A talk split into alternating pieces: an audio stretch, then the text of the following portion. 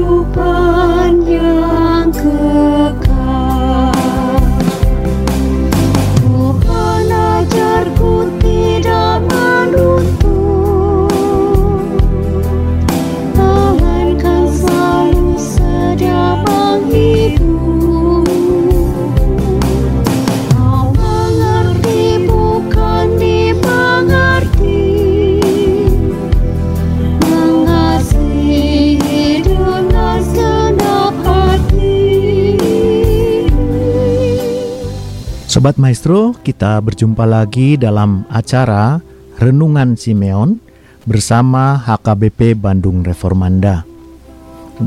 Renungan Simeon malam ini kita Sobat Maestro semua ditemani oleh kami Penetua Mervin Huta Barat, Ibu Tiur Siahan Boru Silitonga, dan juga Pendeta Vandalen Gultom yang akan membawakan renungan kita nanti. Sobat Maestro, acara Renungan Simeon merupakan renungan malam yang disampaikan menjelang tidur yang ditujukan untuk kita mensyukuri keselamatan yang telah diberikan Tuhan kita. Kita mau belajar seperti Simeon yang berdoa dan bersyukur karena sudah melihat keselamatan dari Tuhan. Malam ini kita akan mendengar renungan dengan topik peranan doa dalam pegabaran Injil yang didasarkan pada 1 Timotius 2 ayat 1 sampai 7.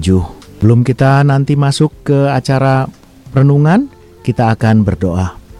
Ya Tuhan Allah yang Maha Kasih, kami bersyukur Tuhan, Engkau telah memelihara kami sepanjang hari ini. Sebelum kami beristirahat, kami hendak mendengarkan firman Tuhan dan memuji Engkau dengan kidung pujian. Tolonglah kami agar kami dimampukan melihat kasih-Mu yang besar, sehingga hidup kami selalu penuh dengan ungkapan syukur. Di dalam Kristus kami berdoa. Amin. Baiklah saudara, saudara sobat maestro sekalian, kita akan mendengarkan sebuah lagu pujian.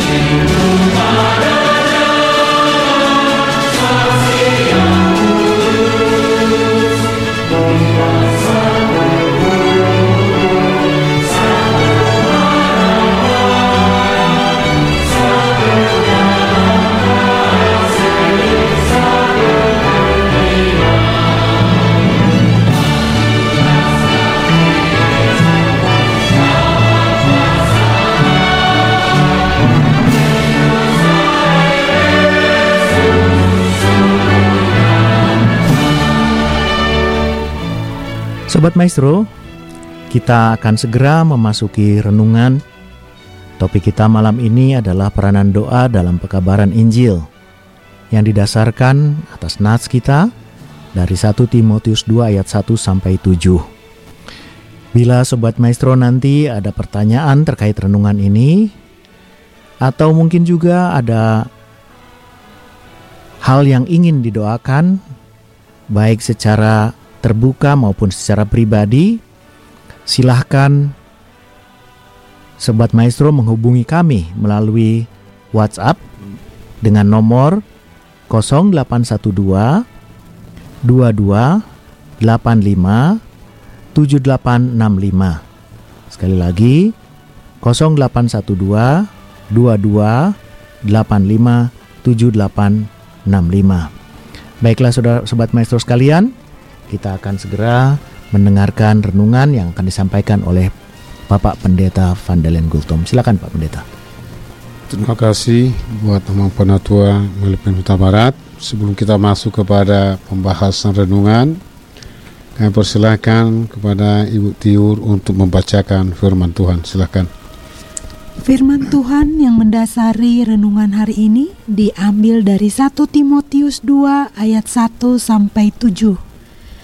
Pertama-tama aku menasehatkan, naikkanlah permohonan, doa syafaat dan ucapan syukur untuk semua orang, untuk raja-raja dan untuk pembesar, agar kita dapat hidup tenang dan tentram dalam segala kesalehan dan kehormatan. Itulah supaya semua orang diselamatkan dan memperoleh pengetahuan dan kebenaran. Karena Allah itu Esa dan Esa pula dia yang menjadi pengantara antara Allah dan manusia, yaitu manusia Kristus Yesus, yang telah menyerahkan dirinya sebagai tebusan bagi semua manusia. Itu kesaksian pada waktu yang ditentukan. Untuk kesaksian itulah aku telah ditetapkan sebagai pemberita dan rasul yang kukatakan ini benar. Aku tidak berdusta dan sebagai pengajar orang-orang bukan Yahudi dalam iman dan kebenaran. Ya, terima kasih buat Ibu Tiur Boru Silitongai yang telah membacakan. Sahabat Maestro yang terkasih dalam Kristus Yesus, peranan doa dalam pekabaran Injil. Demikian topik pada malam hari ini yang akan menyapa kita di mana pun kita berada. Handphone saya pernah menerima SMS tentang doa yang isinya sangat menyejukkan, membuat hati teduh dan tenang ketika membaca isi daripada doa yang ada pada SMS saya. Namun ketika membaca ada tulisan di bawah doa tadi, hati saya mulai gundah dan bertanya-tanya. Tulisannya adalah sebagai berikut. SMS itu harus diteruskan sedikitnya kepada 12 orang. Barulah berkat akan tercurah bagi saya. Jika tidak, celaka yang dituai. Demikian isi SMS tersebut. Penyebarannya SMS ini menunjukkan bahwa orang meyakini isinya. Bahkan ada orang yang ragu-ragu. Apa gerangan yang diamini oleh si pengirim atau yang membuat SMS ini? Semudah itukah harga dari sebuah doa? Itu pertanyaan yang timbul dalam pikiran saya. Apakah Tuhan akan mengabulkan doa seseorang dengan menyogokkan 12 SMS? Apakah pemahaman doa itu harus dengan kata-kata yang indah yang membuat si pembaca takjub? Saudaraku yang terkasih dalam Kristus Yesus, Korri dan Boom pernah menyatakan demikian. iblis akan tersenyum indah ketika saudara menyusun sebuah rencana yang baik. Ia makin tertawa ketika manusia asik dan terlena dengan kesibukan daripada rencana. Namun iblis akan gemetar dan gentar ketika saudara berdoa. Lebih lanjut, Martin Luther pernah mengatakan, menjadi orang Kristen tanpa doa adalah sama dengan hidup tanpa bernapas.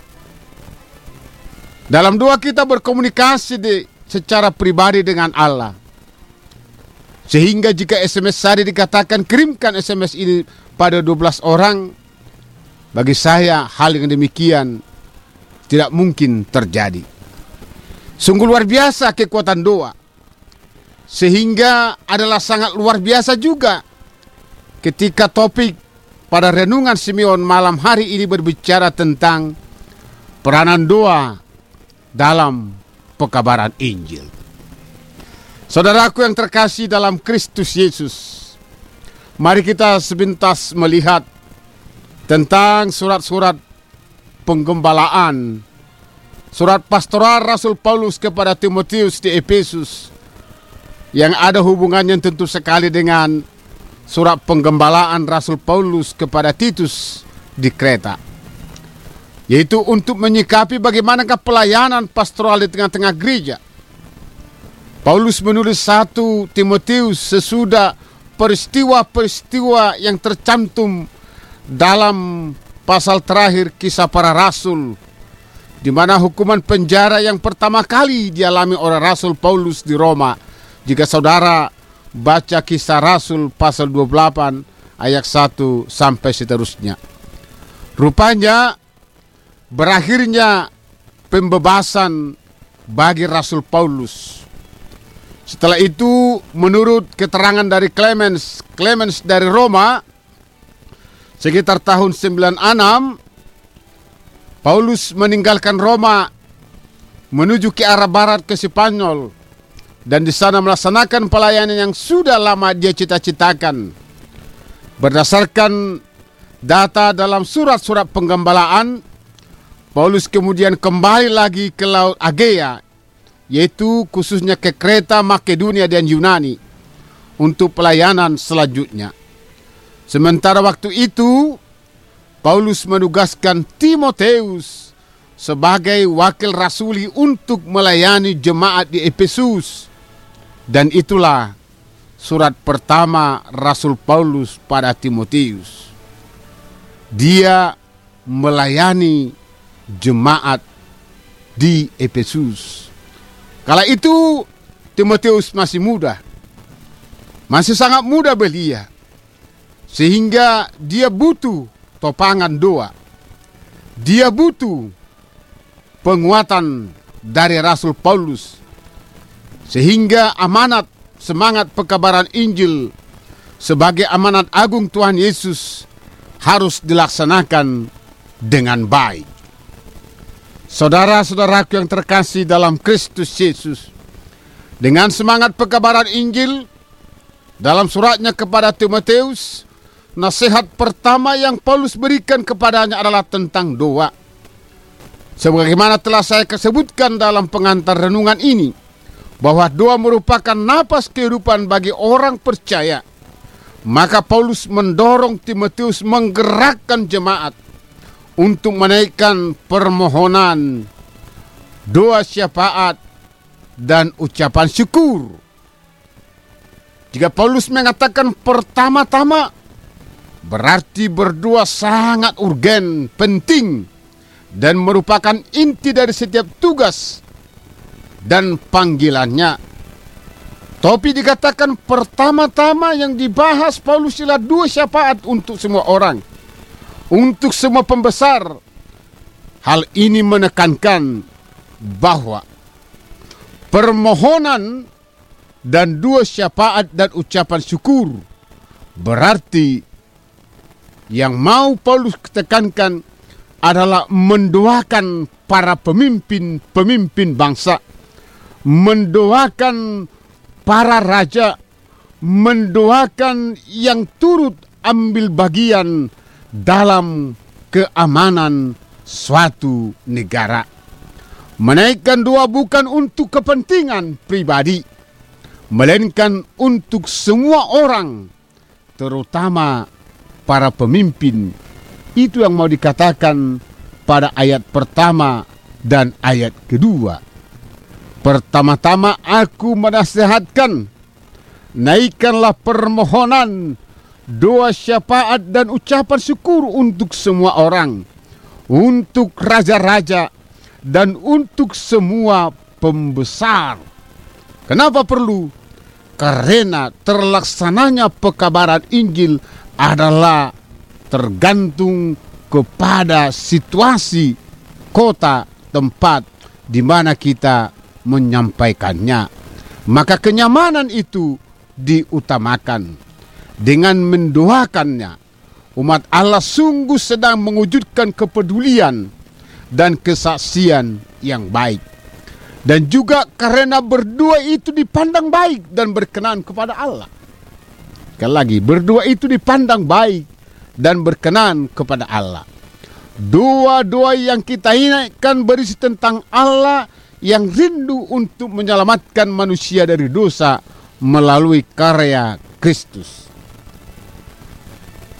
Sehingga dapat menjadikan kesaksian bagi banyak orang yang belum mengenal Allah. Saudaraku yang terkasih dalam Kristus Yesus. Yang kedua mau dikatakan Rasul Paulus. Dua, setelah kita mendoakan bangsa dan negara para pemimpin di mana kita berada, Paulus juga menginginkan agar ada suatu pokok doa bagi pemberita Injil. Saya bacakan sekali lagi khusus pada ayat 7. Untuk kesaksian itulah aku telah ditetapkan sebagai pemberita dan rasul. Yang kukatakan ini benar, aku tidak berdusta. Dan sebagai pengajar orang-orang bukan Yahudi dalam iman dan kebenaran. Artinya, Paulus menegaskan bahwa untuk alasan yang sama itulah ia ditetapkan sebagai pemberita dan rasul Allah. Untuk kesaksian itulah aku telah ditetapkan sebagai pemberita dan rasul. Penekanan dan pujian Paulus atas jabatannya menunjukkan arah pemikirannya. Karena kesaksian mengenai Injil Kristus dan demi keberhasilan kesaksian itulah dia mengajak orang berdoa untuk setiap pemberitaan Injil. Artinya, ketika kita berdua bagi orang lain dan bagi para pembesar dan pemimpin, dua-dua yang kita panjatkan kepada Allah itu pun dapat menopang dan memberikan semangat bagi setiap pekabaran Injil. Sehingga menjadi kesaksian dan pemberitaan keselamatan dan kasih Allah betapa dahsyatnya kuasa dua itu. Pekabaran Injil harus betul-betul ditopang dengan doa. Yang terakhir sahabat maestro yang terkasih dalam Kristus Yesus. Demikianlah Paulus menasehati Timoteus agar di dalam pekabaran Injil dia tetap kuat oleh dorongan kasih karunia Tuhan.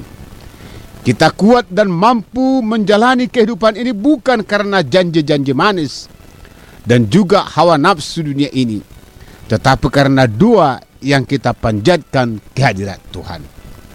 Jadi, jika kita memahami pentingnya dua dari sudut pandang nas ini, percayalah bahwa kehidupan dua Anda tidak akan pernah membosankan lagi, sebab kita paham betul seberapa besar dampaknya bagi orang lain. Mulai hari ini, Luangkanlah waktu khusus untuk mendoakan orang lain. Baik anggota keluarga, baik rekan sekerja, rekan sepelayanan, sahabat, kolega, tetangga, dan lain-lain. Dan para pemimpin, para pemimpin gereja, pemimpin di mana Anda bekerja, para pemimpin bangsa, para raja, dan lain sebagainya. Nantikan dan saksikanlah. Allah bekerja di dalam kehidupan mereka. Tanpa tepangan doa dari seluruh pendengar radio Maestro dalam usaha pekabaran Injil, mustahil dapat berhasil dengan baik. Untuk itu, jadilah pendoa-pendoa untuk pekabaran Injil sehingga nama Tuhan Yesus dipermuliakan. Amin. Demikian. Demikian tadi saudara maestro sekalian renungan kita untuk malam hari ini. Mohon maaf tadi ada salah, saya memberikan nomor WA yang seharusnya adalah 0813 4165 8319. Sekali lagi 0813 4165 8319. Sebelum kita masuk ke diskusi atau tanya jawab, mari kita mendengarkan satu kidung pujian.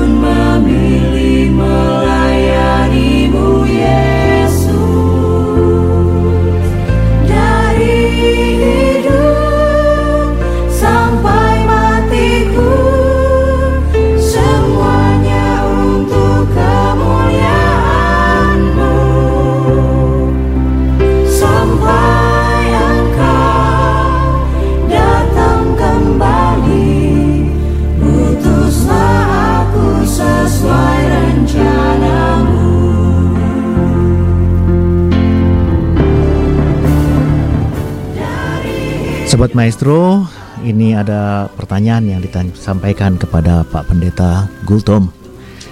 Pak Pendeta, tadi dikatakan kita mendoakan raja atau pemerintah. Tapi kita tahu seperti yang dialami oleh eh, Rasul Paulus sendiri, ada pemerintah yang kejam kepada rakyatnya. Tapi Rasul Paulus di sini mengatakan kita harus bersyukur untuk mendoakan. Nah, bagaimana ini Pak Pendeta? Mengapa atau bagaimana eh, Rasul Paulus menga- mengajak kita berdoa bahkan untuk pemerintah yang eh, seperti dirasakan Paulus sendiri eh, memenjarakannya? Ini bagaimana Pak Pendeta? Ya, pertanyaan yang super sekali. Terima kasih buat pertanyaannya. Memang kalau kita baca sejarah Alkitab, banyak juga para pemerintah yang antipati terhadap perkembangan pekabaran Injil. Seperti Kaisar, Kaisar Domitianus waktu itu yang sangat benci akan perkembangan pengikut Kristus. Tapi tugas kita sebagai orang Kristen dengan apa pun bentuk kekejaman seorang pemerintah, pemimpin, kita wajib mendoakan mereka. Itu itu panggilan kita. Sebab kita yakin sama seperti katakan Paulus dalam kitabnya Roma pasal 13 bahwa tidak ada pemerintahan itu sebenarnya yang tidak berasal dari Allah. Sehingga tugas kita sekalipun pemerintah itu kejam membenci kita, tugas dan panggilan kita sebagai pengikut Kristus adalah mendoakan para pemimpin. Itu harus kita doakan baik raja, pembesar-pembesar sekalipun mereka membenci kita. Dan tugas kita adalah mendoakan mereka. Demikian jawaban saya. Terima kasih. Terima kasih Pak Pendeta. Ya memang uh, menarik sekali ya dari kisah hidup Rasul Paulus itu menjadi contoh buat kita ya Pak Pendeta. Baiklah sobat maestro sekalian, kita uh, masih menunggu apabila ada uh, pesan untuk melalui WA silakan disampaikan dan sambil menunggu mari kita juga memuji Tuhan mendengarkan kidung pujian tetaplah bercahaya.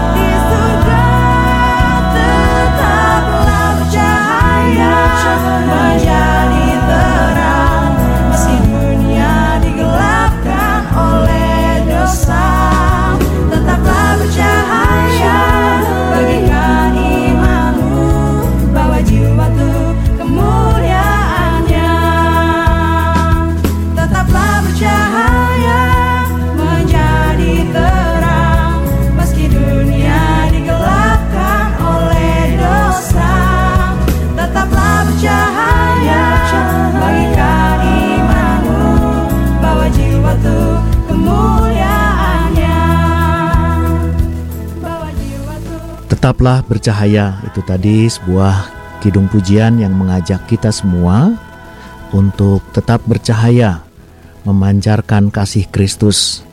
Dan salah satu caranya adalah dengan kita mendoakan. Mendoakan semua orang, mendoakan pemerintah-pemerintah kita, mendoakan upaya-upaya pekabaran Injil. Demikianlah renungan kita malam hari ini. Selanjutnya kita akan uh, menyapa sobat-sobat maestro yang setia mendengarkan acara renungan Simeon ini. Silakan Ibu Tiur. Selamat malam sahabat maestro di mana pun berada baik yang di rumah atau yang sedang di dalam kendaraan Semoga sehat selalu Kami mau menyapa untuk sahabat maestro Ibu Mariana alias Ibu Lingling Terima kasih untuk dukungannya ke Renungan Simeon. Lalu setia mendengarkan.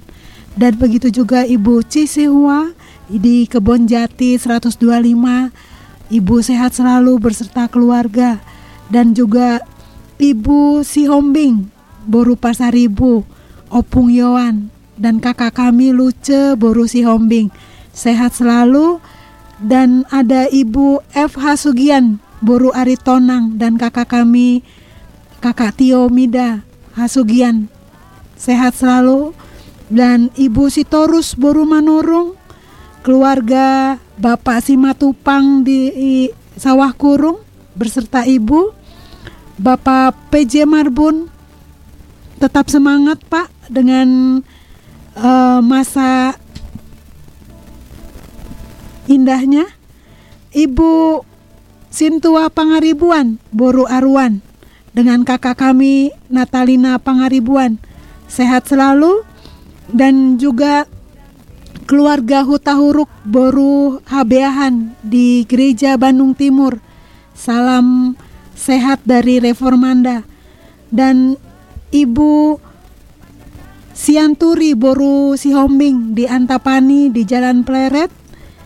Dan Bapak keluarga Bapak Sibarani dan Ibu sehat selalu dan juga keluarga M Sihaloho Boru Purba dan kakak kami Veronica Sihaloho dan juga Ibu Napitupulu Boru Simanjuntak. Sehat selalu Ibu. Begitu juga Ibu Siburian Boru Nababan. Sehat selalu, tetap semangat dan juga Ibu R Sirait beserta anak-anak Niken dan Dara Sirait dan juga para seksi lansia di HKBP Bandung Reformanda dan ibu-ibu Hana HKBP Bandung Reformanda. Kita sehat selalu, semua semangat untuk menikmati kasih Tuhan. Terima kasih. Baiklah, sobat maestro sekalian, uh, kita akan mengakhiri acara ini dengan doa syafaat. Doa ini akan disampaikan langsung oleh Bapak Pendeta. Ya, mari kita berdoa. Allah Bapa di surga yang kami sapa di dalam putramu Yesus Kristus Tuhan dan Juru Selamat kami. Pada malam hari ini kami akan menaikkan dua-dua syafaat Tuhan kiranya menyendingkan telingamu mendengarkan permohonan kami. Dan terlebih dahulu menghapuskan segala dosa-dosa kami. Sehingga kami layak menaikkan doa-doa syafaat kami. Kami berdoa buat jemaat Tuhan yang sakit. Ada yang dirawat di rumah sakit. Ada yang pemulihan di rumah. Di berbagai tempat. Oleh sebab itu kami naikkan dua-dua syafaat bagi mereka agar Tuhan menumpangkan tanganmu memberkati setiap obat yang mereka makan memberkati keluarga menjadi saluran berkat sehingga mereka Tuhan pulihkan yaitu Mikaela Borutobing penatua ESM Silain Bapak H. Situmorang Bapak Eser Sibarani Nyonya P. Panjaitan Boru Nadeak Nyonya Eser Sihombing Boru Pasaribu Nyonya Siturus Boru Tabunan Nyonya TS Hutauruk Boru Lumban Tobing Nyonya El Sihombing Boru Simajutak Bapak M. Simbolon Nyonya S Simbolon boru Pasaribu, Nyonya T Manulang boru Tabunan, Nyonya Tapubolon boru Samosir, Situa Nyonya Yani Sidabutar boru Sinaga, Nyonya Sidabutar boru Sinaga atau Opu Ugi, Bapak D Pak Pahan, Situa Nyonya Pak Pahan boru Tapubolon, Bapak A Manulang, Cintia Rebecca Syahaan, Penatua Nyonya R Tapubolon boru Pardede, Nyonya Sinaga boru Nababan, Penatua KM Panggabean, Nyonya Penatua CL Situmorang boru Pakpahan, Nyonya Siregar boru Aretonang, Nyonya Rotua Margareta boru Marbun boru Purba, Nyonya Huta Barat boru Siregar, Penatua RT Panggabean, Nyonya R Sinaga boru Siburian, Nyonya S Sinaga boru Napitupulu, keluarga Bapak Gindo Pakpahan boru Hutajulu, Nyonya Silalahi boru Manurung Jalan Kencana, demikian juga Ibu Hutasoid boru Jibu boru Tapu Bolon. Kami serahkan mereka ke dalam tangan pengasihan Tuhan. Sekali lagi Tuhan kami mohon berkati setiap obat yang mereka terima melalui para dokter dan keluarga. Tuhan pulihkan mereka sehingga mereka kembali sehat dan dapat beraktivitas dengan baik. Bapa dalam Yesus Kristus, kami juga berdoa buat jemaat Tuhan yang hari ini merayakan ulang tahunnya, yaitu Michael Cornelius Manik, Lestari Primawati Boru Silalahi, Salomo Christian Hutajulu. Mereka sungguh bersyukur hari ini karena Tuhan menambahkan hari umur mereka yang penuh dengan sukacita. Karena Tuhan yang sentiasa memberkati mereka sehingga ketika usia mereka bertambah iman kepercayaan mereka juga terhadap Yesus Kristus semakin bertambah. Kami juga sungguh bersyukur hari ini ketika Tuhan menganugerahkan seorang anak laki-laki buat keluarga yang Manopo Tapubolon, Ibu Ria Magdalena Boru Simangunsong. Karena kami tahu bahwa buah kandungan itu adalah dari Tuhan, maka berkatilah keluarga tersebut agar mereka merawat tunas yang baru anugerahkan bertumbuh di dalam Yesus Kristus senantiasa sehat dan penuh dengan lindungan daripada engkau. Bapak dalam Yesus Kristus kami berdoa buat bangsa dan negara kami ini. Kerana Tuhan menganugerahkan kedamaian, menganugerahkan hikmat surgawi bagi para pemimpin bangsa kami. Mulai dari presiden, sampai kepada pemerintahan tingkat desa. Sehingga mereka adalah pembawa-pembawa damai sejahtera yang memberikan damai di mana pun mereka di desa mana pun mereka bekerja. Mereka adalah perpanjangan tangan Tuhan memberikan damai sejahtera. Kiranya Tuhan jauhkan dari bangsa dan negara kami ini pertikaian. Bahkan jika ada pun perbedaan kami akan memahami bahwa perbedaan itu adalah indah demi kemuliaan namamu. Secara khusus kami berdoa buat masyarakat kota Bandung, tempat kami hidup dan melayani. Kerana Tuhan anugerahkan damai dan sukacita, sehingga masyarakat kota Bandung hidup penuh dengan kedamaian dan sukacita yang daripadamu. Bapa dalam Yesus Kristus, kami sungguh bersyukur atas teknologi yang semakin berkembang dan maju. Maka melalui teknologi yang ada pada radio maestro ini, kami menyampaikan kabar sukacita bagi persada Nusantara di mana pun berada. Kerana Tuhan berkati radio maestro ini, sehingga benar-benar dapat kami bergunakan untuk pekabaran Injil bagi setiap jemaat yang tidak dapat kami jangkau yang tidak dapat hadir di tengah-tengah gereja, mereka mampu menerima kabar sukacita melalui radio maestro ini. Kerana Tuhan anugerahkan kesehatan bagi bagi pengurus bagi yang empunya sehingga mereka perlu dengan sukacita dalam kehidupan mereka setiap harinya. Kami tahu Bapak, malam ini kami akan beristirahat tempat tidur kami masing-masing. Ke dalam tangan pengasihanmu kami serahkan tubuh dan jiwa kami. Dan sepanjang hari ini segala dosa dan kesalahan kami. Kerana Tuhan ampuni agar kami layak senantiasa menerima berkat-berkat yang daripadamu. Doa kami yang tidak sempurna ini kami naikkan hanya di dalam nama anakmu Tuhan Yesus Kristus Tuhan dan Juru Selamat kami yang hidup anugerah Tuhan kita Yesus Kristus kasih setia Bapak Sorgawi dan persekutuan dengan Roh Kudus senantiasa besar saudara hari ini sampai selama-lamanya amin Amin. Terima kasih Pak Pendeta. Sobat Maestro, kita sudah mengakhiri acara kita. Sebelum kita tutup, ada beberapa hal yang ingin kami ingatkan. Yang pertama, pada hari Minggu ini ibadah kita di HKBP Bandung Reformanda akan dilaksanakan pada pukul 7 bahasa Indonesia, pukul 9 ibadah sekolah minggu, pukul 11 ibadah bahasa Batak dan pukul 16.30 ibadah bahasa Indonesia. Untuk ibadah sekolah minggu direncanakan sudah tidak lagi melaksanakan live streaming tetapi luring. Jadi datang karena kita sudah memasuki masa-masa persiapan Natal, anak-anak sudah mulai berlatih. Yang berikutnya juga Sobat Maestro e, kami mengajak Sobat Maestro khususnya warga jemaat sektor 7812 Mabel Team.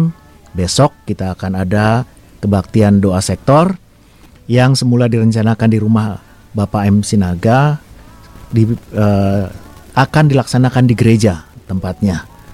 Kemudian hari Minggu akan ada acara penghiburan untuk sobat maestro dari WEK uh, atau sektor 12 kita akan melakukan penghiburan kepada keluarga Siregar Boru Tobing di uh, Setra Dago Antapani dan untuk sobat maestro uh, hak anggota jemaat HKBP Bandung Reformanda sektor 345 Dago kita akan melakukan penghiburan kepada keluarga Simatupang Borutobing yang ditinggalkan oleh Ibu Borutobing di gereja. Keduanya kita lakukan setelah ibadah pukul 11. Demikian kiranya Tuhan memberkati semua yang sudah kita dengarkan kita sampaikan dan sampai jumpa pekan detak pekan yang akan yang datang hari Kamis pada pukul 8. Terima kasih, sampai jumpa.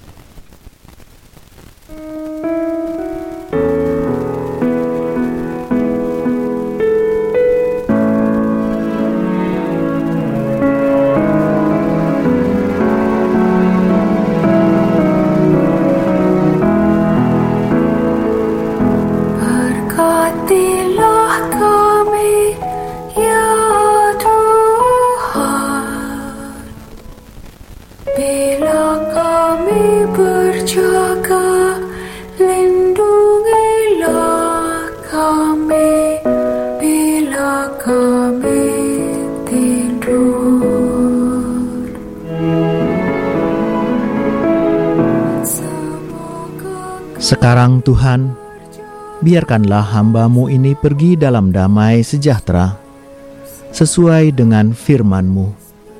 Sebab mataku telah melihat keselamatan yang daripadamu, yang telah engkau sediakan di hadapan segala bangsa, yaitu terang yang menjadi pernyataan bagi bangsa-bangsa lain, dan menjadi kemuliaan bagi umatmu Israel.